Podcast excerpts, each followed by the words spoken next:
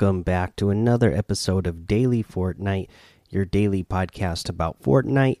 I'm your host, Mikey, aka Mike Daddy, aka Magnificent Mikey. So, for news today, we have a new account on Fortnite uh, for uh, I mean, a new account on Twitter for Fortnite. So this is another one for you to go follow. This is FN Create. So this is for all things, uh, you know, creatives and for creators. They say a home for artists, designers, developers, creators, and gamers. Share your passion. All right, and uh, you know, this is actually a really cool uh, account. They've already tweeted out a couple of really cool things or retweeted a couple of cool things. One of the things that I like that they featured here is this tweet says can't wait till October 31st to cause some mischief. Jump into this awesome map from Spank Sully and Tact uh, and get your trick or treat on. And the code for this map is 7269 7533 1482 but this map is really cool and i can see why they chose it to feature. It's uh you know it's all set up it's halloween themed.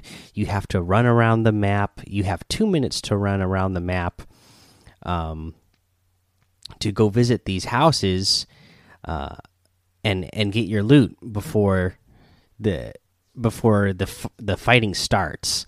Once the fighting starts uh the houses will turn on and off. Just kind of like when you think about Halloween. Normally, you know, if you see a light, if you see a house with decorations and you see the lights on inside, that's usually an indicator that that house is giving out treats, right? If the lights are off, they're not. So in this map, the lights turn on and off randomly at houses and so if you need more loot you can go to a house while the lights are turned on to get some more loot from it so pretty cool. And then they even have like this big mansion there uh, that uh, you know will have extra good loot, I guess, from uh, apart from the other houses.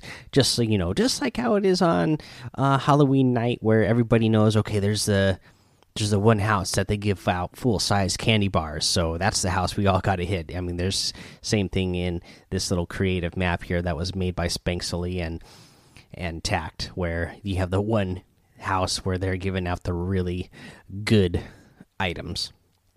So that's really cool. Uh, yeah, so make sure you give that a follow. It's again that's FN Create on Twitter. Uh, you know, and uh, I noticed there's a tweet on here somewhere on the timeline. There's not a lot of tweets yet, but I'm not going to scroll through. But it was basically, you know, it's it's a good account for if you are a creator yourself to maybe, uh, you know, at FN create, and you never know they might notice it and you know retweet whatever it is that you uh, that you made, or uh, you know make it one of their uh, you know tweet you out on one of their featured tweets or whatever. So you know might be a cool thing to do. You never know uh, if you get picked or not. If they notice your thing. Uh, now let's get into some other news. This is uh, related to competitive this season. It says, What's new for competitive in Chapter 2? Chapter 2, Season 1 Arena. With a new season and chapter comes a full hype reset in Arena mode. As before, in Arena will continue to mirror the focus of Fortnite Champions Series this season. With Squads Arena available now, like last season, Solo Arena will also be available. Climb to Champion League to unlock Fortnite Champion Series tournaments you have Fortnite Champion Series update. The Fortnite Champion Series returns next month and will continue to the seasonal cadence of competitive Fortnite. Starting on November 1st, there will be a three round squads event each weekend for four weeks. Similar to the last season, we will be advancing the top teams each week from each region to the Chapter 2 Season 1 finals. We will continue to award series points based on each team's final placement every week during the FNCS to determine team placement on the series leaderboard. Like before, the top performers on this leaderboard will also advance to the season finals. We're making some small adjustments this season for Chapter 2, Season 1. We're moving more qualification spots to the individual weekly qualifiers and will source fewer teams from the series leaderboard. Our goals here are to one, give players more opportunities to play with different squads without totally harming their chances of qualification, and two, retain the value of consistent competitive play over the course of the season for squads who wish to remain together. Additionally, trades will not be allowed between any qualified teams. The, the season finals will be held online for each region on December 6th through the 8th to determine who will be crowned the fort uh, the chapter 2 season 1 champions. This season will be giving away 5 million dollars in total prizes across all regions and competitions, including weekly cash cups and new platform specific tournaments. So a couple of things here I noticed right away. So there the the the tournament period is starting November November 1st and they're already having the finals December 6th through the 8th. That means that this Fortnite Championship series is really short compared to the rest. Um, and then also the uh, we have a smaller prize pool, but that makes sense because the the time period is smaller. Now, uh, I saw a tweet out uh, from Wildcat that I have to agree with. That uh, you know, there there are some people in the community, uh, you know, pro players in the community who are complaining that the prize pool is smaller, but still, five million dollars is a huge prize pool.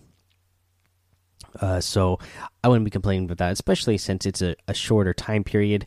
And I don't have it up here, but I don't remember who it was. I think it was Hogman. So, and he made a really good point uh, that we had a Fortnite Winter Royale last year, and this year or this season, the FNCS is really short, which would leave a lot of time throughout the rest the rest of December and or beginning of January to have a, a winter royale. So maybe that is uh, also part of the reason why uh, they have a shorter Fortnite Championship series. I guess we'll have to keep our eyes and ears open and uh, see what they decide to do going forward. But I I actually like uh, what they're doing here, and I like that it's not you know so long. Um, I like that, you know, they're outright telling you, you know, they're not going to allow trades between teams who qualify. So if you are in one of the qualifying rounds and you want and you want to qualify, you know, you're trying to qualify to get into the tournament, make sure you're playing with the players that you actually plan to play with, uh, you know, for the championship and that you want to be playing with for the championship. Uh, let's see here. So they have the FNCS warm up the weekend before the start of the F of the FNCS. We will hold an FNCS warm up. This will be a non-cash practice tournament. Hop in with your squad to try new rotations, sharpen your skills, and prepare for this season's competitive kickoff. So how awesome is that? That is something that the competitive uh, community should be. Uh, liking and should be giving some praise for is that we have a brand new map uh, you know, so there's obviously going to be brand new strategies. People have to learn what their rotations are going to be, learn uh, the map better, and what it would be like in a competitive uh, environment. Well, here's your chance. They're get, doing a warm up, so you can uh, have a more competitive environment than you know what you would get in in the core modes or even in arena because uh, this is going to be, you know, like a tournament style uh, warm up weekend where you know you're going to have to qualify to get in the round next round. So it'll get the the in theory at least the competition should get better uh, as as you go throughout your uh, competition there. So I mean, how cool is it that they're doing a, a warm up like that? So, for audio improvements, with the release of Chapter 2, we're excited to share that we've added a setting to improve audio tested by members of the competitive community. By toggling on the 3D headphones mode in the audio options menu, the mode will improve spatialization of tactically important sounds. What does that mean? You'll have a better sense of sounds above, below, and behind you. Please note, we recommend stereo headphones for this mode, and the mode will not work if you have the visualize sound effects accessibility option enabled. Jump in and try it out. And you guys, this is what I was talking about the other day. Audio this season is 100% improved. Like I said, uh, for the tip of the day, you know, the tip was to go in, you know, related it back to way back when I first started this podcast was to wear headphones when you play this game. And now, second of all, wear the headphones plus turn on the 3D headphones mode because the sound is pretty awesome now. You know, it's still not the best in the world, but my gosh, compared to what we had before, this is a huge improvement. I am absolutely loving the the sound uh, right now uh, especially compared to what we had. Uh, let's see here. Okay, I that I that guess that's all I have for news. So let's go ahead. Let's hit a weekly challenge tip. Now that we are a couple of days past the release of Fortnite Chapter Two, we'll start getting back to our normal format of how we do these episodes. So let's go ahead and and hit a weekly challenge tip. Uh, this one, is, I'll I'll cover is hide inside hideouts in different matches in three different matches total. Uh, you know, it, well, the way I would do this is just hot drop at Frenzy Farm. There's plenty of haystacks that you can hide in. So in the three different matches that you're trying to get this done, just hot drop at Frenzy Farm and land yourself next to a, a haystack real quick and hide in it. And again, guys, that is something that was added in to Fortnite Chapter 2 here. You know, you can be next to garbage cans, haystacks. I'm sure there's a couple other things, but those are the things I can think of off the top of my head. But you just uh, jump in those in those haystacks and uh, that that will be hidden. You just press the interact button. You just hold it down, and boom, you'll be, you'll be hiding in whatever item it is that you are interacting with. So pretty cool thing. Uh, but yeah, that's your challenge tip.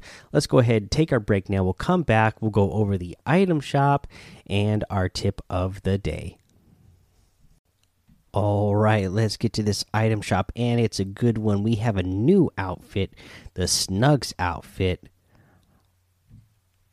One broken bear. It's part of the Royale Heart set. Uh, this is a really cool looking bear. Uh, he's, you know, a black teddy bear. He's got uh, eye patch over his eye. I like his pink bow tie, the the pink stitches. Just an overall really cool looking outfit. Again, it reminds me of the back bling.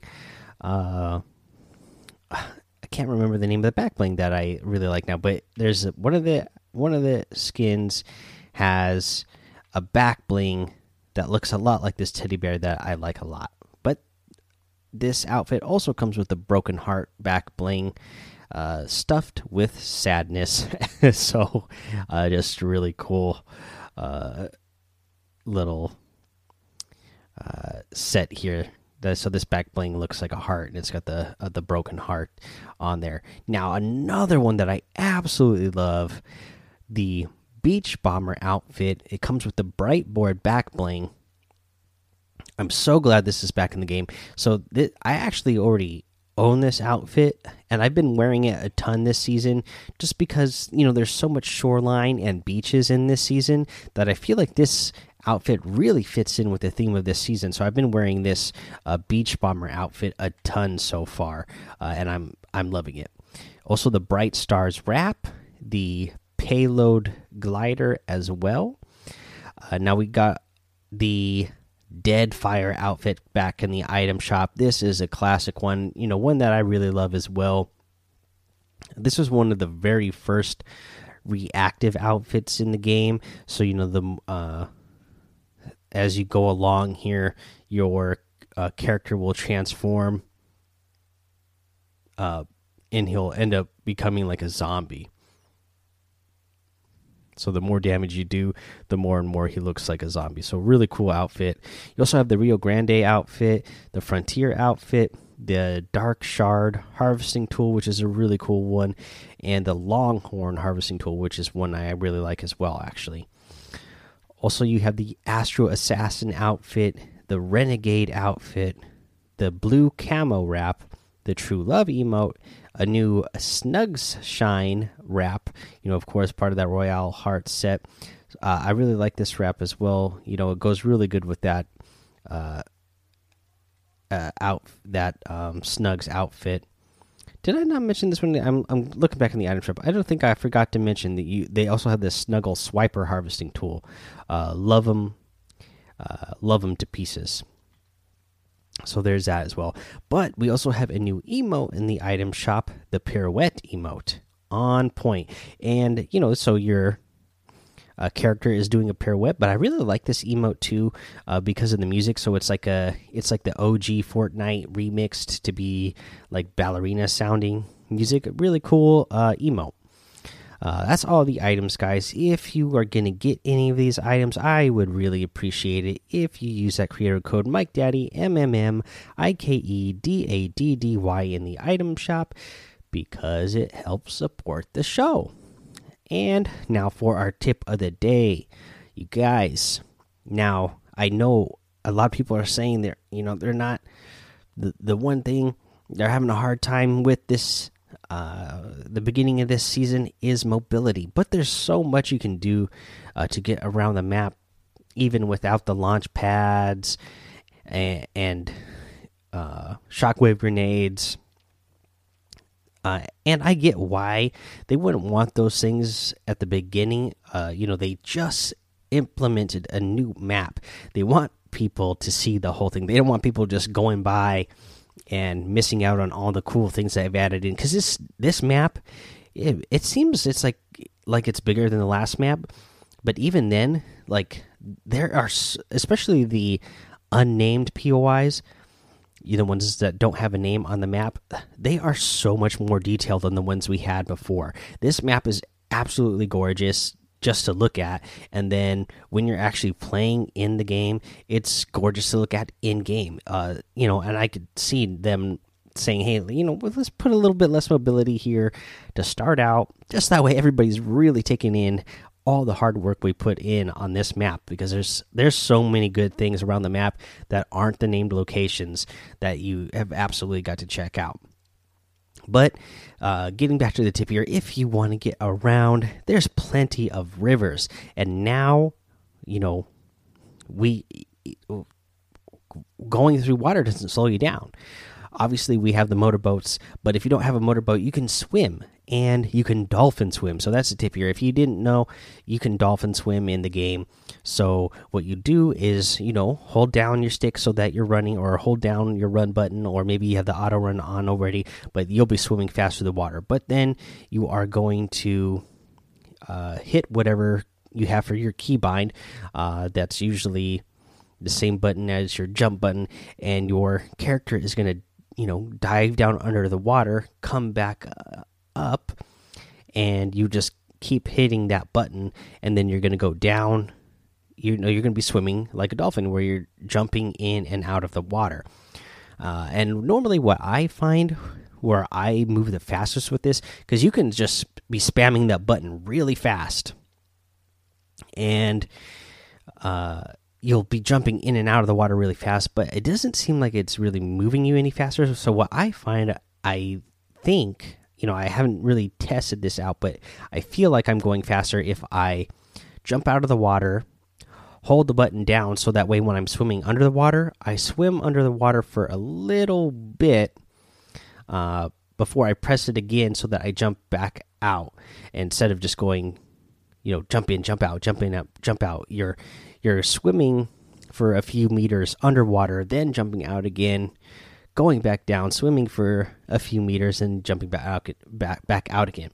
If you just hold the button down while you're underwater, uh, you'll eventually just come back up to the surface and be swimming like normal at the surface. So uh, just go down there for a couple meters and then ju jump again, and then it seems like you you get going pretty fast. I'm usually able to uh, beat the storm by swimming so I feel like it's it's actually a pretty good way to uh, move around the map, and not to mention you're you're you're you're moving all over the place when you're doing this. So you're not exactly an easy target to hit.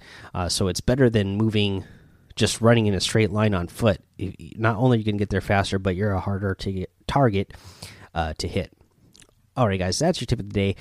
Uh, so that's the end of the episode. Go join the daily Fortnite Discord. Follow me over on Twitch and YouTube. That's Mike Daddy on both of those places. Head over to Apple Podcasts, leave a five star rating and a written review for a shout out on the show. Make sure you subscribe so you don't miss an episode. And until next time, have fun, be safe, and don't get lost in the storm.